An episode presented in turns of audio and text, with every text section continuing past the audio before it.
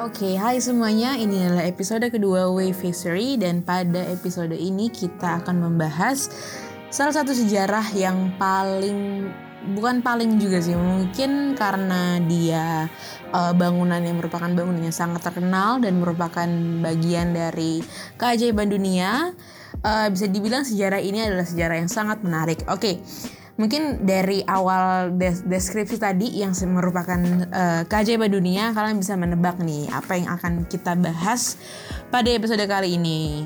Jadi pada episode Wave History kali ini kita akan membahas mengenai Candi Borobudur.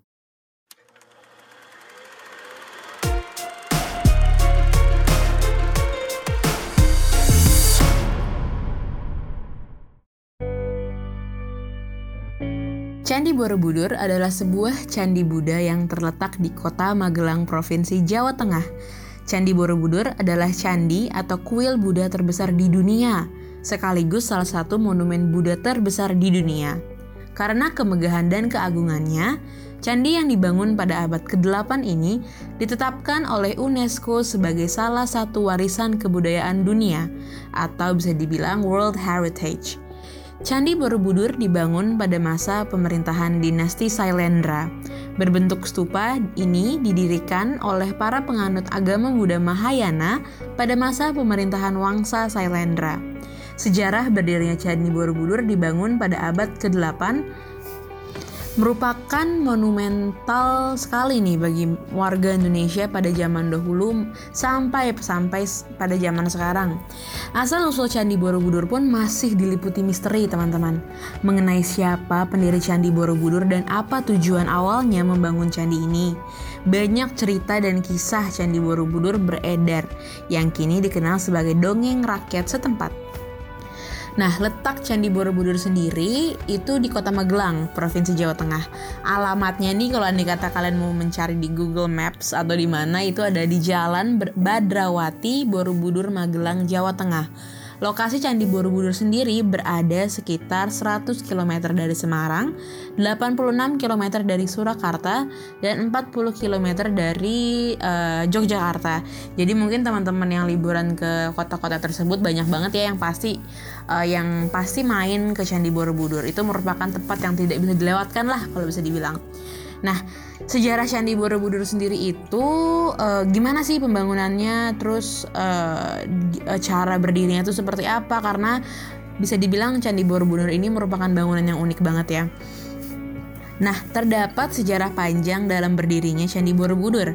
Sampai saat ini tidak ditemukan nih bukti tertulis yang menjelaskan siapa sih yang membangun Borobudur dan apa tujuan awalnya membangun candi ini. Diperkirakan Candi Borobudur dibangun pada tahun 800 Masehi.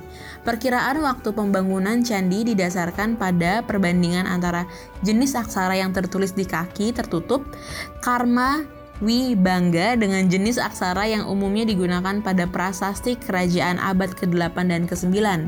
Candi Borobudur dibangun pada masa kerajaan dinasti Sailendra di Jawa Tengah yang bertepatan antara kurun waktu 760 sampai 830 Masehi. Proses pembangunan Candi Borobudur diperkirakan menghabiskan waktu 75 sampai 100 tahun lebih. Candi Borobudur baru benar-benar rampung 100% pada masa pemerintahan Raja Samaratungga pada tahun 825 Masehi.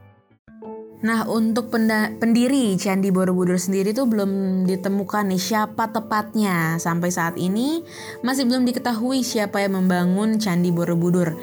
Yang jelas Candi Borobudur dibangun saat kejayaan dinasti Sailendra. Selain itu juga sempat ada ketidakjelasan Candi Borobudur peninggalan agama apa, apakah agama Buddha atau agama Hindu. Diketahui bahwa warga dinasti Sailendra adalah penganut agama Buddha aliran Mahayana yang taat.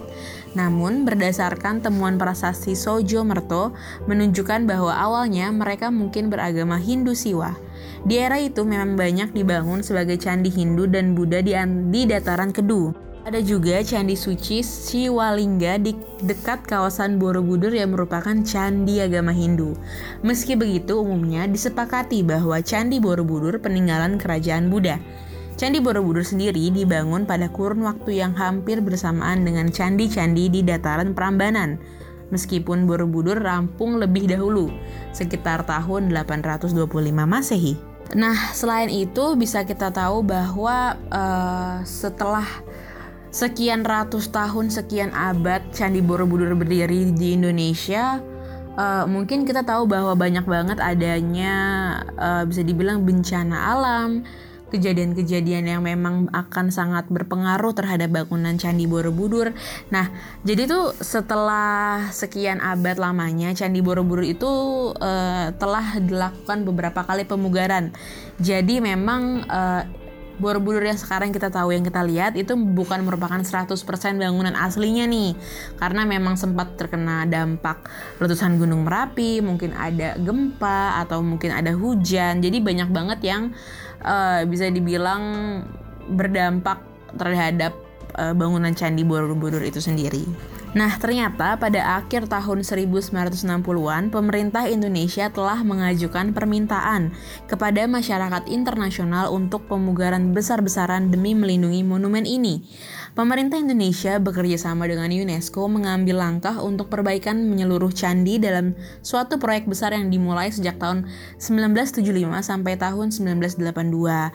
Setelah renovasi tepatnya pada tahun 1991, UNESCO kemudian memasukkan Candi Borobudur ke dalam daftar situs warisan dunia dan masuk dalam kriteria budaya. Nah, itu merupakan penjelasan singkat ya mengenai sejarah Candi Borobudur dan asal-usul Candi Borobudur.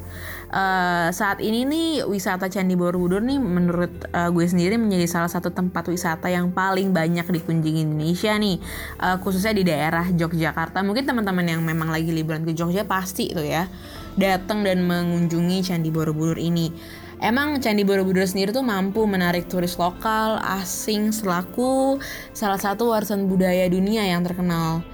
Dan bisa gue bilang emang karena gue juga udah pernah melihat Candi Borobudur dengan mata kepala gue sendiri, uh, kita bisa ngeliat sih uh, betapa megahnya candi tersebut dan bisa dibilang arsitekturnya anjay arsitekturnya tuh emang keren banget. Karena kalau dipikirkan zaman dulu belum ada semen ya. Dan mereka tuh emang candi borobudur tuh terbentuk dari bahan batu batuan dan kalau kalian bayangin betapa sulitnya itu pembangunan candi borobudur sebesar itu yang belum ada teknologi yang kita punya sekarang untuk melakukan pembangunan gedung biasa dan menurut gue emang uh, bagi kita pun generasi muda memang harus selalu mem membudayakan dan mencintai budaya Indonesia dan khususnya warisan-warisan negara seperti Candi Borobudur untuk tetap dilestarikan.